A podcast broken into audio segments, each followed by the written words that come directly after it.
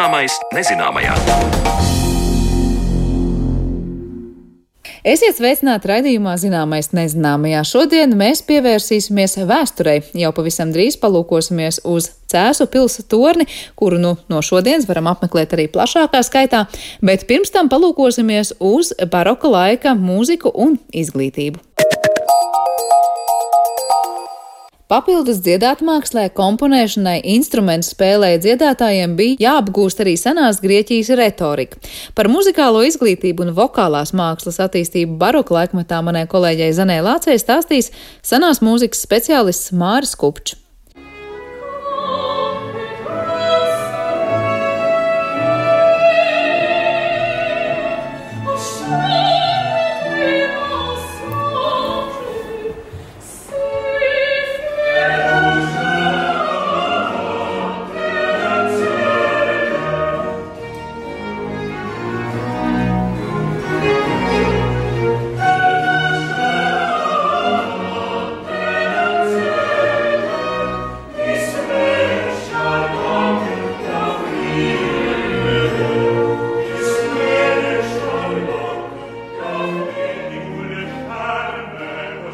Kad redzam tos solis, viņi visi ļoti daudz mācījās. Un ne tikai muziku, bet viņiem bija jābūt pietiekoši izglītotiem. Mums, protams, ka dēļa visiem bija jābūt ļoti gracioziem un galvenam žestiem. Un, un kas tik nē, lai saprastu visu tēlu, teksim, šīs te dramaturgijas princips bija arī zin, nu, jālasa. Jāzina antīkā literatūra, tāpēc ka ļoti daudz operās ir iekodēti visādi šifri un simbolu sistēmas. Bahs, Hendelis, Monteverdi, Vivaldi, Pērsels ir vieni no zināmākajiem baroka laika komponistiem. Kā rakstīts Nacionālās encyklopēdijas interneta vietnē, tad 17. un 18. gadsimtā veidojās atklāta rakstura mūzikas iestādes, operteātri, mūzikas biedrības, attīstījās nošu izdošana, par patstāvīgu žanru izveidojās balets. Mūzikas stilu ziņā 18. gadsimta pirmā puse bija sevišķi daudzveidīga, jo agrāk uzkrātais krustojās ar radikālām pārmaiņām. Sastapās baroks, itāļu un vācu instrumentālais instrumentālajā mūzikā, klasicisms itāļu un franču operā un rokoko franču instrumentālajā mūzikā. Visos mūzikas žanros, stilos un formās notika pārēj no tā, ko mēdz dēvēt par seno mūziku uz atjaunotiem to paveidiem. Radās kantāte, instrumentālais koncerts, kamerānsamblis, solo dziesma. Tik tālu no enciklopēdijas, bet tagad palūkosim, kā 17. un 18. gadsimtā attīstījās mūziķu un dziedātāju izglītība, un par to vārds orķestra kolēģiju muzikum Rīga vadītājam un senās mūzikas speciālistam Mārim Kupčam. Tad, manuprāt, dziedātāja profesija ārpus baznīcas nopietni aizsākās tikai 16. gadsimtā, jo pirms tam Tā kā izklaides pasākums, protams, tas ir. Ir īpaši Itālijā 16. gadsimta otrā pusē, kad attīstās šī visa tā laicīgā māksla, mūzika. Tā kā, nu, tāds kaut kāds ne tikai vienkārši izklaides žanrs, kur kāds viens pats spēlē, bet jau parādās tiešām nopietni ansambļi, kas dzied. Bet atsevišķi dziedoņi arī, dzen, nu, kas kļūst ļoti populāri pateicoties operas izveidēji, nu, viņi būvēs lēnām savas karjeras un kļūst par tiem, kas viņi ir. Un viņi tā agrīnākā paudze visi ir ne tikai dziedoņi, bet viņi visi arī ir komponisti un viņi ir teorētiķi. Tā kā viņa izglītība ir, ir nu, ļoti laba. Nu, piemēram, tāda dziedātāja kā Jakopo Peri un, un arī Giulio Kačīni, kas ir būtībā agrīnās operas izveidotāji, ja, jo abiem diviem viņiem pieder uz pusēm. Tur ir stāsts par to, kā viņi 1600. gadā to operu rakstīja Euridiče uz pusēm. Un, pareizāk sakot, Perī bija pasūtījums, bet Kačīni teica, ka pusi no tās muzikas vienkārši nebaudām. Man liekas, viņš pateica to diezgan rupji. Un uzrakstīja savu versiju, un tajā atskaņojumā tā, tas bija tāds tā kā kopā salikums. Un pēc tam Perī vēlējās nodrukāt savu operu. Un kad šī uztraucās, ka tika, nu, viņš neiedrukā to viņa muziku, un, un tas viss beidzās beigās ar, ar to, ka tika nodrukātas divas dažādas operas. Bet būtībā neviena ne otra tādā veidā, kāda viņas ir nodrukātas, viņas jau neskanēja.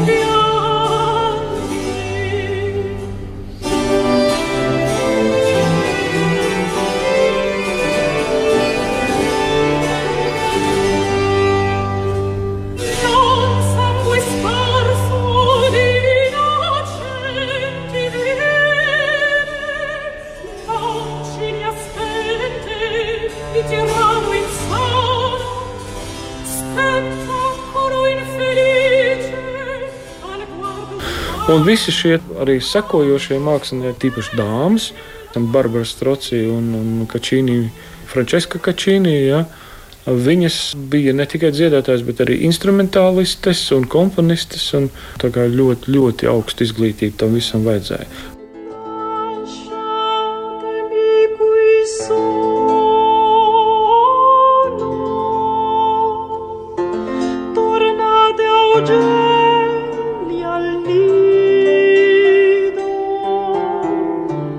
Par tādām īpašām skolām, kur apmācīja laicīgās mūzikas speciālistus, tajā laikā nevaram runāt. Topošie mūziķi un dziedātāji izglītojās pie privātskolotājiem, un tur mācījās gan vokālo mākslu, gan instrumenta spēli, gan arī studēja antīko literatūru.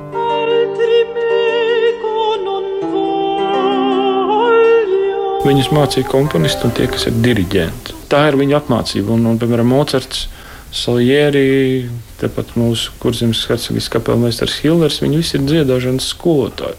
Bet atšķirībā no mūsdienām, kur dziedāšana nozīmē laik mācīties, kā dziedāt skaļāk, patskaņas, tad, tad tā runa ir kā pareizi un izglītoti saprast šo visu muzikālo audumu, kā tie ir no retorikas un tēlu izklāsmes viedokļa, panākt iedarbību un kā lietot šos gaumīgi ornamentus un kā improvizēt. To visu māca komponisti un diriģenti. Tas ir pavisam cits līmenis.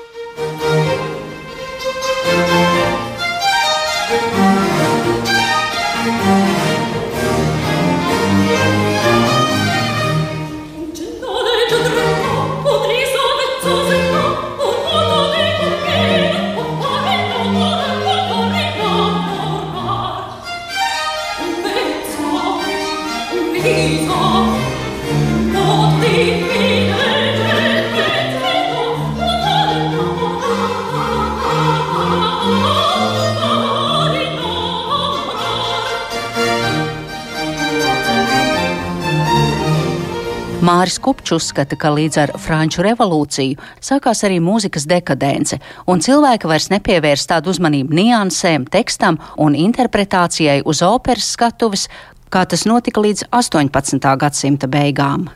Tajā pirmotnējā uzstādījumā, ka opera ir muzikāla drāma, kur lieto visas grieķu klasiskos retorikas šos ieročus, lai manipulētu ar klausītāju, likt viņam pārdzīvot ja, tiešā veidā ar runu kā tādu, ņemot vērā vēl iedarbīgākus šos ieročus, kas ir muzikā, kas ir tonalitāte, ritma un, un, un arī melodijas lūk, ietekme. Ja.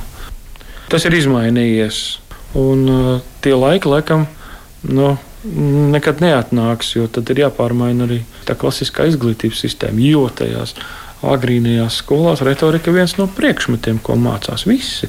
Bet, ja tā konkrēti tādas apmācību iestādes ir noteikti mazākā skaitā, viņas dominē Itālijā, kur, piemēram, slavenā tā bija valdība, kur mācīja, tas bija būtībā atradeņu nams, ja? kad viņi, viņi dod izglītību šiem bērniem, kas ir pamesti. Bet citkārt, protams, tas ir amats, un muzika mācās pie meistara. Ja? Tur ir zeļi, zeļu sistēma Tā kā muzeķis ir sūtīgs amatnieks. Dziedātājs tā ir mazliet savādāk. Dziedātāji ir ļoti konkrētam iemeslam, vai tas ir baznīcas dziedātājs, vai tas ir jau operāta dziedātājs. Dziedātāji mācās pie komponista, mācās pie tā, kas ir gatavs viņiem mācīt šo dziedāšanu, un tad iekļūst kaut kādā, ja viņiem izdodas, iekļūst operas apritē ar impresāriju un menedžeru palīdzību, kas vāc konkrēti trupas Itālijā. Tas visbiežāk ir. Lielā mērā Mūzikas apmācība kā tāda ir šāda caur meistaru. Māca muziku galvenokārt tad spēlēt vai dziedāt, darīt savu instrumentu, tad māca ģenerālu basu, nu, kas ir būtībā tā kā harmonija māca uzreiz komponēt. Runājam arī par dziedātājiem. Ģenerālbass jā, jā, skaidrojums. Ģener, ģenerālbass ir tātad basa līnija, kuru izpilda basa instrumenti un, teiksim, čels, vēlāk arī kontrabass vai gamba. Un plus tam ir arī ir akordu instrumenti, kā klavesīns teorija, lauta un, un tam līdzīgi. Bet tas pats galvenais, ka ģenerālbass ir kā jēdziens, kurā ietilpst visas harmonijas. Jā, tas tā ģenerāla basa grupa būtībā ir vadošā, kas nosaka to. Tātad baroka un klasicisma muzika ir tā būvēta, ka šīs harmonijas tur ir savs saīsināts pieraksts. Un, lietojot šo pierakstu, ļoti ātri var orientēties partitūrā un var iemācoties šo harmonisko dzirdi, var gan rakstīt, gan melodijas, gan pierakstīt basu. Ja? Tas ir tā tāds muzikas pamata disciplīna. Un, uh, tas ir diezgan ātri, tiek apgūts, un lielākoties tas tiek apgūts individuāli caur to skolotāju, kas to māca. Un, nu, katrs māca mazliet savādāk, bet lieto apmēram viens un tas pašas grāmatas, jā, nu, vai arī savus vingrinājumus. Un, protams, ja tad vēl ir, ir grāmatas, kas parādās 18. gadsimtā ļoti plašā veidā, jo tā drukāšana kļūst mazliet lētāka, ja, to var atļauties. Un tad parādās traktāti, kā labāk instrumentu spēlēt, un kā arī nu, īstenībā dziedāšanas traktāti, ja, kas gan visi galvenokārt ir par interpretāciju. Daudz nerunā par to, kā dziedāt, jo tas ir tāpat skaidrs, ka profesionālim tas jāiemācās ātri un ļoti ražīgi, bet pats galvenais ir interpretēt. Katrā ziņā ir skaidrs, ka cilvēkiem jāsniedzas mākslā uz perfekciju, uz, uz pilnību, uz iedarbību, bet nevis iedarbība ar, ar āršķiem efektiem, bet tieši uz šīs nu, informācijas un domas spēku un pārliecināšanu. Par baroka laika mūziķiem stāstīja orķestra kolēģiju mūzikumu Rīga vadītājs un senās mūzikas speciālists Māris Kupčs, un ar viņu sarunājās Zane Lāca. Bet par Livonijas laiku šeit pat cēsīs mēs parunāsim jau pēc brīža.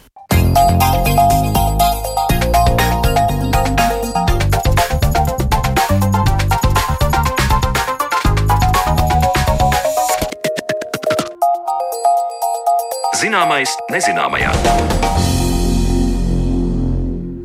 Raidījuma turpinājumā vismaz attālināti paviesosimies Cēsīs, lai runātu par jaunumiem Cēsu pilī. Tur pirmo reizi apmeklētājiem būs pieejama pils dienvidu tornis un kādus jaunus stāstus tas slēpj un ko vēl pētnieki ir atklājuši Cēsu pilī. Vismaz daļa no līdz šim mazāk zināmā Cēsu pils stāsta ir gatavs atklāt Cēsu muzeja viduslaika pils nodaļas vadītājs un vēsturnieks Gundars Kalniņš, ar kuru taču šobrīd arī esam sazinājušies. Labdien, Gundar! Labdien!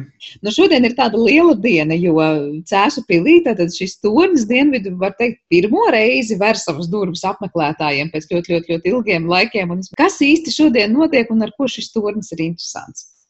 Nu, tad tiešām varam teikt, ka apmeklētājiem pirmo reizi Dienvidu tornis pilnībā vēr savas durvis, jo iepriekšējie kas uh, kādreiz bija viesojušies Dienvidu tornī, nebija apmeklētāji, bet pilsētas iedzīvotāji.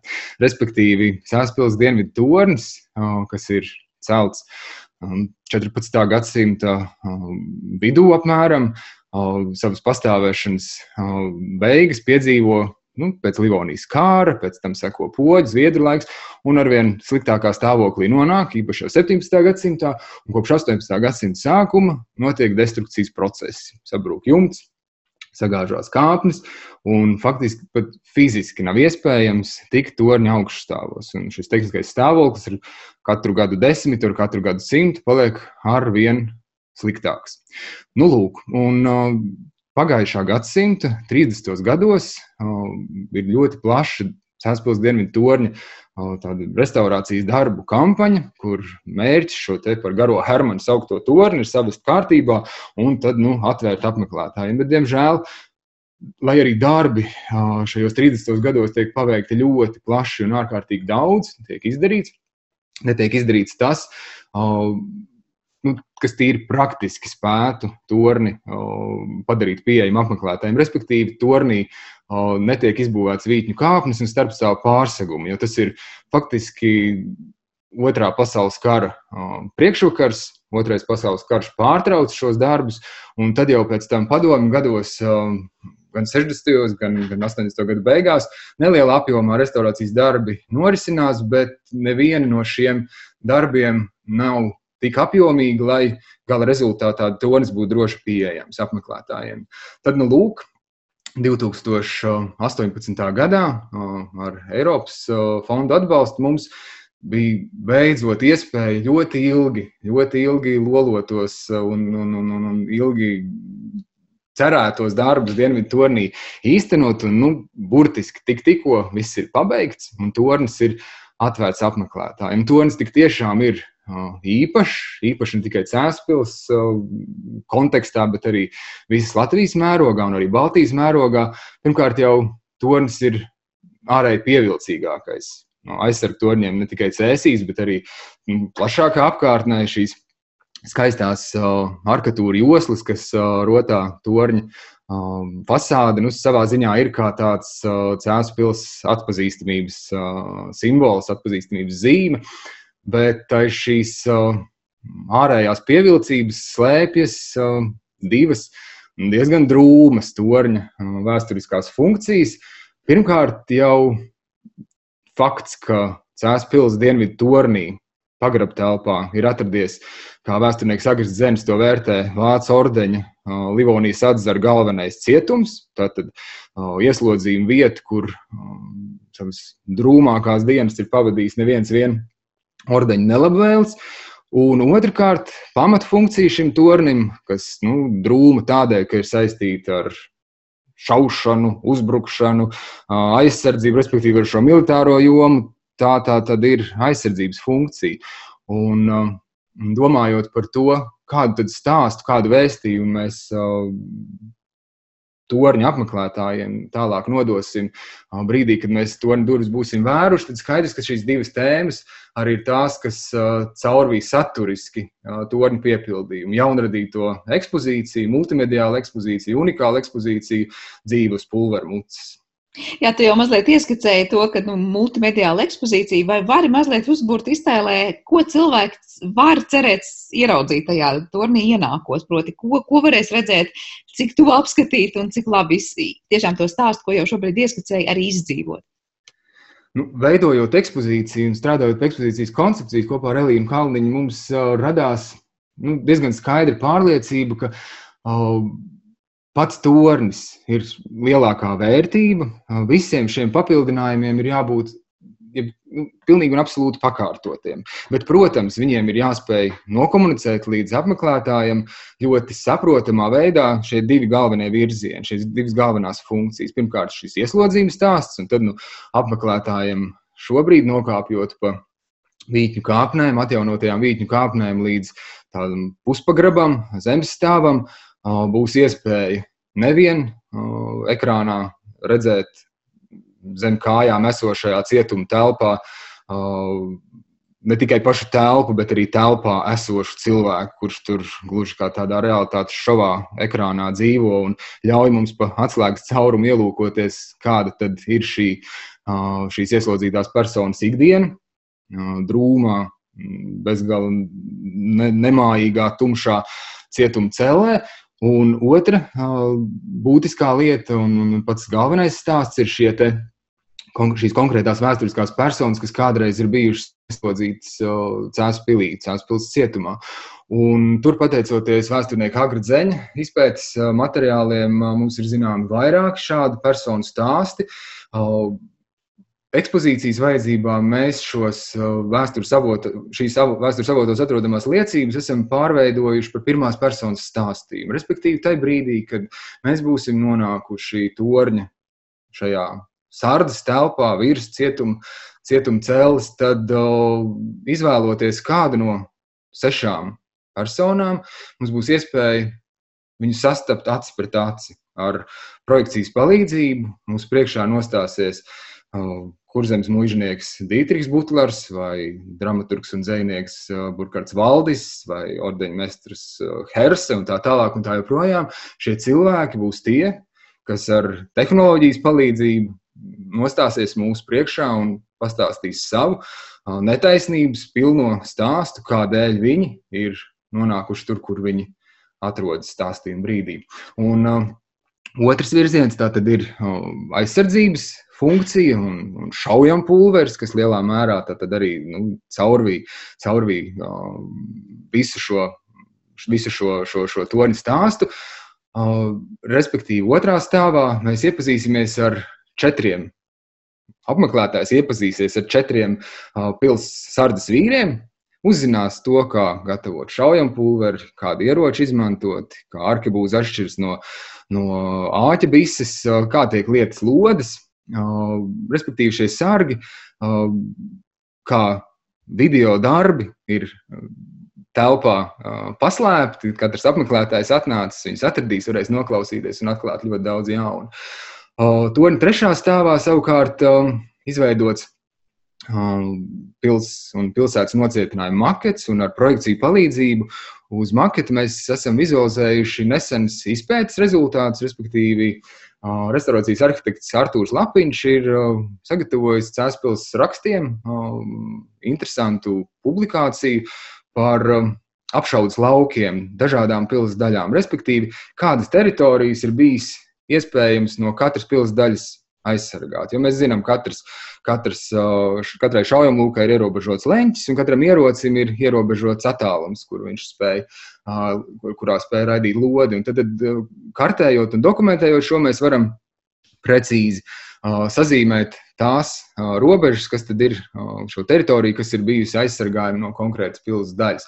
Tad pilsētas makets mums ļauj izstāstīt vēl vienu pētījumu rezultātus, plus tam arī ne tikai iepazīstinot ar individuāliem aizsardzības elementiem, katru torni, aizsardzības sienām, apkārtmūriem, bet arī radot tādus trīs hipotētiskus pilsētas aplenkumu pilsētas iebrukuma scenārijus, hipotētiskus tādēļ, ka tik tiešām Cēlā pilsēta līdz pat 1577. gada aplenkumam šādus, šādu reālu kaujas pieredzi nepiedzīvo.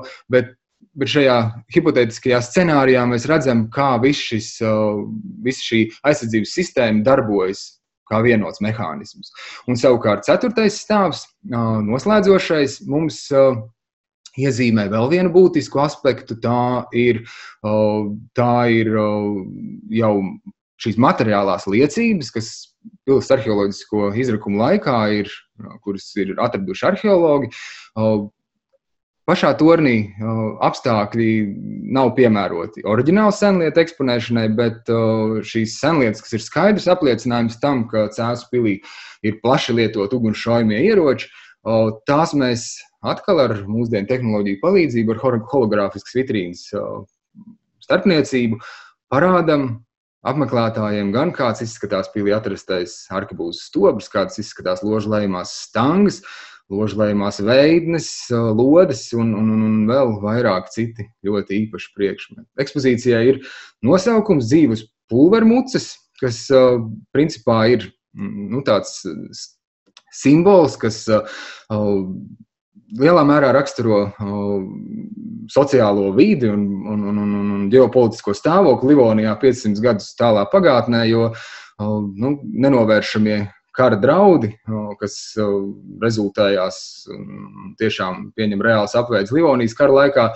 principā ir livoniešu prātos un, un ikdienā sākot jau no 15. gadsimta otrās puses, tad gandrīz simts gadus Livonieši dzīvo tādas nu, nenovēršamas, nenovēršamas spriedzes vai, vai, vai šais kataklizmas apstākļos, veidojot ekspozīciju, 2000 vai ekspozīcijas saturu. 2015. gads bija tas laiks, kad bija arī sācies karš Ukrainā, un arī likās šīs paralēlas ļoti līdzīgas šī ģeopolitiskā situācija mūsu valstī, un kā 500 gadu mēs runājam par tālu pagātni, bet atkal tepat šodienas Latvijā arī vēl joprojām šie jautājumi ir oh, ļoti aktuāli. Un tāpēc mēs tam ekspozīcijā mēģinājuši savilkt kopā arī šīs mūsdienas ar ar, ar tālo pagātni. Es tieši gribēju teikt, ka atgādini tajā stāstījumā tādu laika mašīnu, kurā iekāpt, bet neaizmirst arī par mūsdienām. Tu minēji gan tos arheoloģiskos uh, dārgumus, var teikt, kas ir atrasti, gan tās uh, priekšmetiskās vērtības, kas, protams, ir viens stāsts, bet tad, kad ir tās projekcijas ar cilvēkiem, tie ieslodzītie kaut vai. Kāds pētījums, vai es nezinu, kādi avoti ir bijuši, kas ir ļāvuši nu, atrast to, tā cilvēka stāstu, kāpēc viņš bija ieslodzīts, kas viņš tāds bija. Vai tur ir daudz vaļas interpretācijai dots, vai tur tiešām ir kādi rakstu vai citi avoti, kas likuši šīs te, nu, var teikt, vēstures vērtības savīt tādā stāstā kopā. Jā, tik tiešām rakstītie vēstures avoti ir un ir pētījumi kaut vai par uh, kurzemes muiznieku tādas ļoti plašas sazvērstības uh, pret uh, Vācu ordeņa Livonijas mestru organizētāju Dītrihu Butleru um, ir ļoti detalizētas. Mēs zinām ļoti daudz par šo personu, zinām par viņa cīņu biedriem, laika biedriem, zinām par laiku, kad viņš ir ticis apcietināts, zinām apstākļiem, kādos viņš ir turēts un kā viņš ir šeit uh, Cēlspīlī uh, ticis mocīts, spīdzināts kādā nolūkā, lai iegūtu pēc iespējas vairāk informācijas par pārējiem sazvērstības dalībniekiem. Uh, stāsts ir bezgalīgi skarbs, bet stāsts ir izstāstīšanas vērts un, un zināšanas vērts. Rakstītie avoti mums ir arī par par kādreizējo alvas lējēju un, un, un politisko darboni un, un, un dramaturgu un zvejnieku Burkhardu Valdis. Arī kas ir ilgāku laiku pabijis Cēlā pilī, iespējams, ne gluži iespundāts cietuma cellē, bet kādā mazliet ārtākā kambarī, jo Cēsīs ieslodzījumā esot ir strādājis pie psalmu tulkojuma vācu valodā un arī komponējis mūziku šeit, vai arī piemeklējis jau esošas melodijas. Vēl un vēl stāsti par konkrētām personām ir tie, kurus mēs esam šajos te video darbos iedzīvinājuši. Kaut vai, kaut vai mūsu dienvidu torņa vēsturiskais nosaukums, garais Hermans, tāpat kā Igaunijā, Tallinas pilī. Arī šis, ir, šis nosaukums ir atrodams kādā konkrētā dokumentā, kas ir piemi, kurā vēl līdztekus tiek pieminēts kāds izbēgšanas gadījums no Cēlās pilsētas cietuma, respektīvi 1559. gadā no Cēlās pilsētas cietuma, kurš esot visstingrākais visā zemē, ar, ar, ar, ar, ar nu, vēlna viltību, ja, ir izbēdzis kāds Hans Ginters nodevējs, un, un, un, un, un, kas ir bijis uzdevies par arhibīskapa manzini, un respektīvi bet saņemts ciet, iespundēts, uzpircis, ticamāk, kalpus un, un izbēdzis no Cēlās pilsētas. Mēs zinām pēc šīs te, dokumentālajām liecībām, ka pilsētas pārvaldnieks, pilsētas kontūrs nekavējoties ir licis apcietināt visus kalpotājus, kas ir ik pa laikam pienesuši ēdienu vai uzraudzījuši ieslodzīto. Mūsu stāstnieks, kurš pavēsta šo Hansa Ginteru stāstu un visu šo, par šo notikumu, ir ir, ir viens no kalpotājiem. Respektīvi, katrā stāstā ieklausoties, un jo vairāk mēs zināsim, jo klausītājs vairāk zinās, jo vairāk varēs uztvert. Jo, jo katrs Jo katrs ieslodzītais ar mums, ar klausītāju, runā kā ar zinošu cilvēku, kurš saprot. Kāpēc? Bet tas nāk, ka tam apmeklētājiem, tagad, dodoties uz cēsīm, ir jābūt jau gan izglītotam un sagatavotam, lai saprastu šo ekspozīciju. Vai tur uz vietas viss būs skaidrs? Oh, nu, protams, ir jauki pirms tam arī kaut ko palasīt, bet uh, katrs, uh, mēs jau paši ļoti labi zinām, arī bērns noskatoties uh, Felīnī filmu, paņems kaut kādu savu slāni. Un, un jo, jo, jo zinošāk mēs esam, jo dziļo, dziļāk mēs varam saprast, katrā gadījumā šajos stāstījumos ir iekodēts cik vien iespējams korekts uh, vēsturiskais materiāls, bet, uh, bet emocionāli, saturiski šie stāsti iedarbojās. Nu, šie stāstījumi un šie, šīs performances iedarbojās vienalga vai uz vecu, vai uz jaunu, vai uz, vai uz nezinošu, vai uz vēstures profesoru. Es domāju, ka tam vajadzētu darboties ļoti plašā amplitūdā, jo pirmās personas stāstījums iedarbojas emocionālā cilvēciskā līmenī. Mēs skatāmies acīs cilvēkam, kurš, mūsos, kurš raugās mūsu acīs, un um, tirpes, kuras pārskrien pāri kaulam, lai arī kauliem mēs to zinām un saprotam, ka šī persona tur šobrīd nestāv pa īstam mūsu priekšā, ir nu, nenovēršama. Emocionāli tas iedarbojas ļoti jaudīgi. Jā, vēl viens ļoti emocionāls un jaudīgs vēstījums ir tas, ka ir izdevies pavisam nesen atrast šajā turnī kādu unikālu uzrakstu un pat to iztulkot vai nu atkodēt, kā pareizāk jāsaka. Gundar, kas tas ir par unikālo uzrakstu, ko pašam ir izdevies ieraudzīt? Nu, tāds pārsteidzošs notikums. Un tieši īstā brīdī, tad, kad uh, jau viss, viss, viss paveicamo darbu apjoms liekas tik ļoti liels, ka diez vai to visu var pacelt, pēkšņi vēsture tev pasniedz kādu motivējošu un, un, un, un, un bezgalīgi pacelājošu atklājumu. Protams, ir visi pilsētas uh, dienvidu torņa restaurācijas laika atklājumi ir ievērības cienīgi. Kaut vai uh, papildus vēl līdz tam nezināmie vairāki koka elementi. Par, par dažiem bija zināms šīm āķa bišu balstu brusēm, uz kurām balstīti smagie ieroču stobri. Atklājās restorācijas darba laikā vēl visi datēti ar 16. gadsimta 30. gadiem, tad 500 gadus seni. Flīžu grīda, torņa, torņa trešā stāvā vairāk flīžu paliekas, flīžu nospiedumi arī nevienam zem nebija nojausmas zem biezo drupu kārtas, putekļu kārtas tādas atklāsies. Restorācijas darba laikā atklājās, ka torņa fasādes ārpuse ne tikai ir bijusi klāta ar plānu apmetumu, bet arī ir bijusi krāsota. Turklāt krāsot pamatā sarkanā, mālēnā krāsā, un ar tikai atsevišķiem elementiem, balti krāsotiem. Tas skats uz Cēlspils dienvidu toni pirms 500 gadiem ir bijis nu, grūti atpazīstams, iespējams, mums šobrīd. Un tā pirms nu, no šī brīža ņemot divām nedēļām, darbojoties ar gan ekspozīcijas iekārtošanu, gan ar pēdējiem torņa sakopšanas darbiem, mazliet vēlāk vakarā esot tornī, vītņu kāpnēs, posmā, kurš iepriekš nebija līdz restorācijas darbu laikam, līdz torņa kāpņu atjaunošanai, nebija pat īsti pieejams bez īpašām kāpnēm vai kāda ekipējuma. Tajā vakar slīdošajā gaismā uz viena jauka akmens, kurš laimīgā kārtā nav pārlieku erodējis lielā caurvēja un gadsimtu, gadsimtu laikā, es pamanīju ģērboņu vairodziņu. Ģērboņu vairodziņu, kas uzreiz pirmā brīdī formas ziņā ļoti atgādināja 16. gadsimta ģērboņu vairogus, kas mums ir Jāņa baznīcā, kapa plāksnēm. Tad, tad, respektīvi, nu, tāds vairodziņš, kurā varētu sagaidīt, ka būtu kāds heraldisks elements, kāds ģerbonītis, bet šī gadījumā ģerbonītī nav, šajā, uz šī vairodziņa nav ģerbonis, bet ir māju zīme, tāds rūnveidīgs raksts, kas ir nu, īpašuma zīme kādai personai, kas nav bijusi piederīga sabiedrības pašam, pašam augšslānim, bet kas ir bijis turīgs namīpašnieks. Grūti pateikt, vai šeit Livonijas teritorijā vai Vācijā. Un apkārt iniciāļi, un tad, kad es sāku ar lukturīti spīdināt no visām maliņām, mēģinot slīdošā gaismā vēl labāk saskatīt, kas tur ir, atklājās, ka līdzās ir arī divas, divi, divi teksta sektori, divas, divas teksta grupas. Viens no tiem ar kapiteļiem rakstīts latīņu valodā teksts, safotografējot un vakarā meklējot, diezgan ātri izdevās atrast. Tās rindas no apakstuļa Pāvila vēstules romiešiem 16. gadsimtā, īpaši jau līdz reformācijas kustību ļoti populāra frāze: Ja Dievs ir par mums, kas var būt pret mums?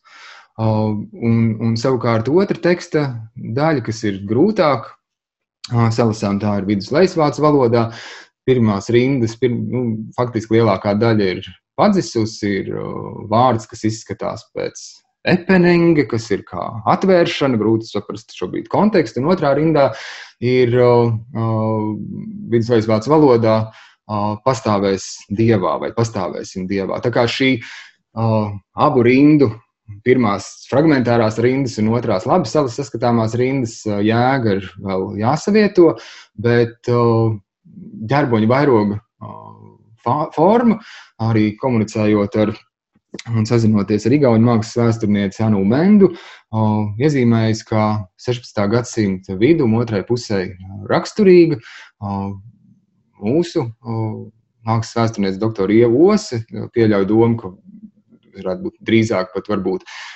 16. gadsimta 30. un 40. gadiem raksturīgi, bet tas nu, paliek tālāks izpētes ietvaros noskaidrojums, jo vienalga, vai šis, ir, šis uzraksts ir saistīts ar reformācijas laiku, ar laiku, kad Vācu ordenis vēl joprojām ir katolisks, bet, bet uh, luterānisms jau ir iegājis sabiedrības slāņos un ir bijis kāds, uh, ir bijis kāds uh, pils grūti pateikt, kādu, kādu amatu vai posteni ieņem, ieņēmis personas ēspilī, kas ir ieskrāpējis šī akmens savu iekšējo izlaušanos reformācijas kontekstā. Varbūt tas ir arī saistīts ar Livonijas kara notikumiem, ar šo 1577. gada aplenkumu.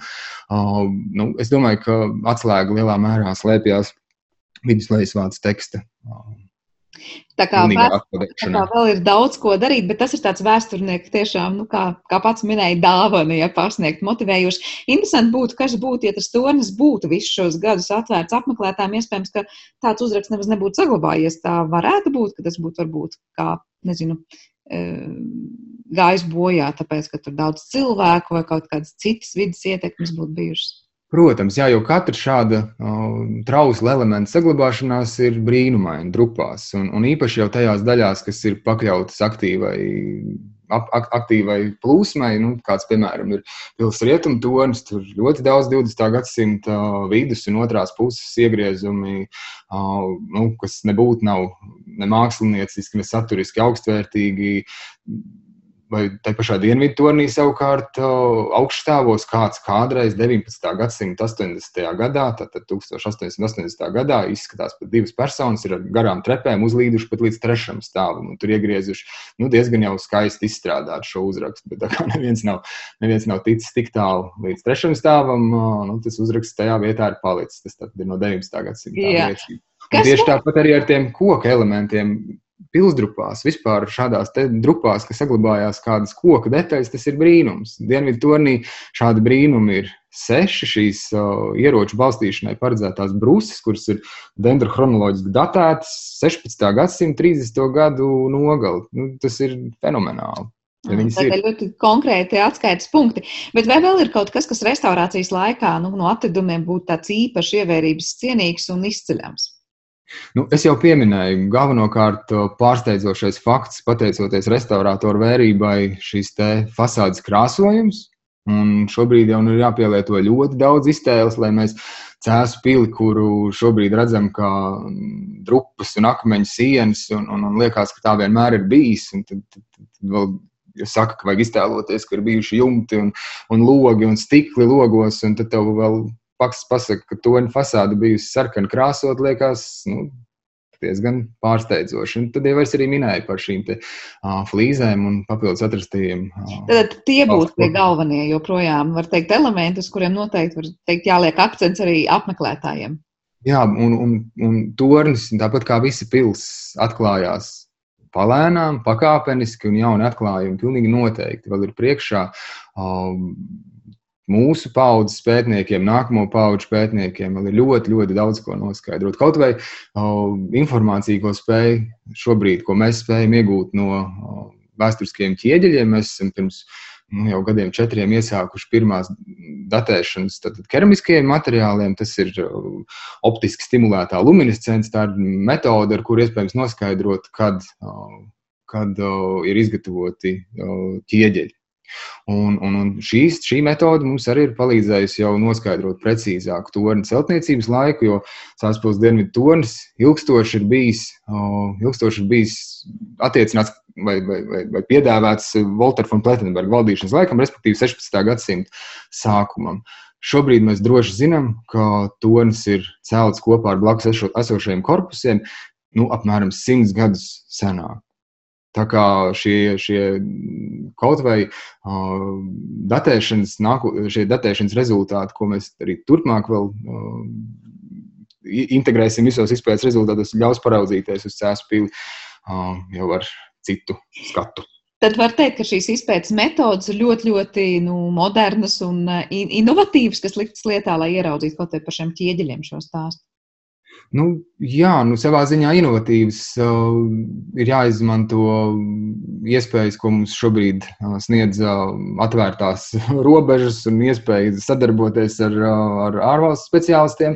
Uh, un, un, un, tad jau, protams, mēs uh, turam acis vaļā un klausamies un, un esam lietas kursā par dažādām izpētes metodēm, dažādām, uh, dažādiem zinātnes virzieniem, kas mums var nākt tālāk izpētes darbos. Uh, tad, tad iespējas šobrīd ir ļoti, ļoti, ļoti plašas. Protams, cenšamies izmantot visu, ko, ko vien iespējams. Tāpat arī par šo pašu ieskrāpējumu. Arī, arī šeit tehnoloģijas mums varēs dot vēl papildus informāciju, varbūt cenšoties saskatīt to, kas ir acīm no šobrīd redzams. Tā kā es domāju, jauni atklājumi mūs vēl tikai sagaida, bet ja vēl par pavisam aktuālo, tad, tad no šodienas durvis ir vēr, vēršas tornis. Cik ilgi un kā ir kādi ierobežojumi, ko varēs redzēt un kā varēs redzēt pilstornī apmeklētāji? Apmeklētājiem atvērti visi četri torņa virzemes stāvi. Katrā stāvā ir, ir šī te tematiskās ekspozīcijas daļa. Apmeklētājiem tornis atvērts tātad no 1. jūlija līdz pat rudenim, līdz septembra beigām, un tad nākamā gada vasarā atkal torņa durvis tiks vērtas vaļā, un tā gadu no gada Dienvidu tornis būs daļa no pilsētas plašā piedāvājuma. Mēs... Tad dzīves pulvermūtas ekspozīcija ir tāds kā turpinājums, kas arī ne tikai šovasar skatāms, bet arī turpmāk būs aplūkojams. Jā, pilnīgi noteikti. Jā, nu, liels paldies par šo lielisko, var teikt, attālināto ekskursiju Cēsu pils stāstā. Cēsu muzeja viduslaika pils nodaļas vadītājs un vēsturnieks Gundars Kalniņš mūsu improvizētajā studijā viesojās. Ar to arī raidījums ir izskanējis, par to parūpējās producents Armīta Kolāte, mūzikas redaktors šai stundai bija Girds Bišs, un ar jums kopā šeit es Sandra Kropa. Lai mums visiem veiksmīga diena un uz tikšanos!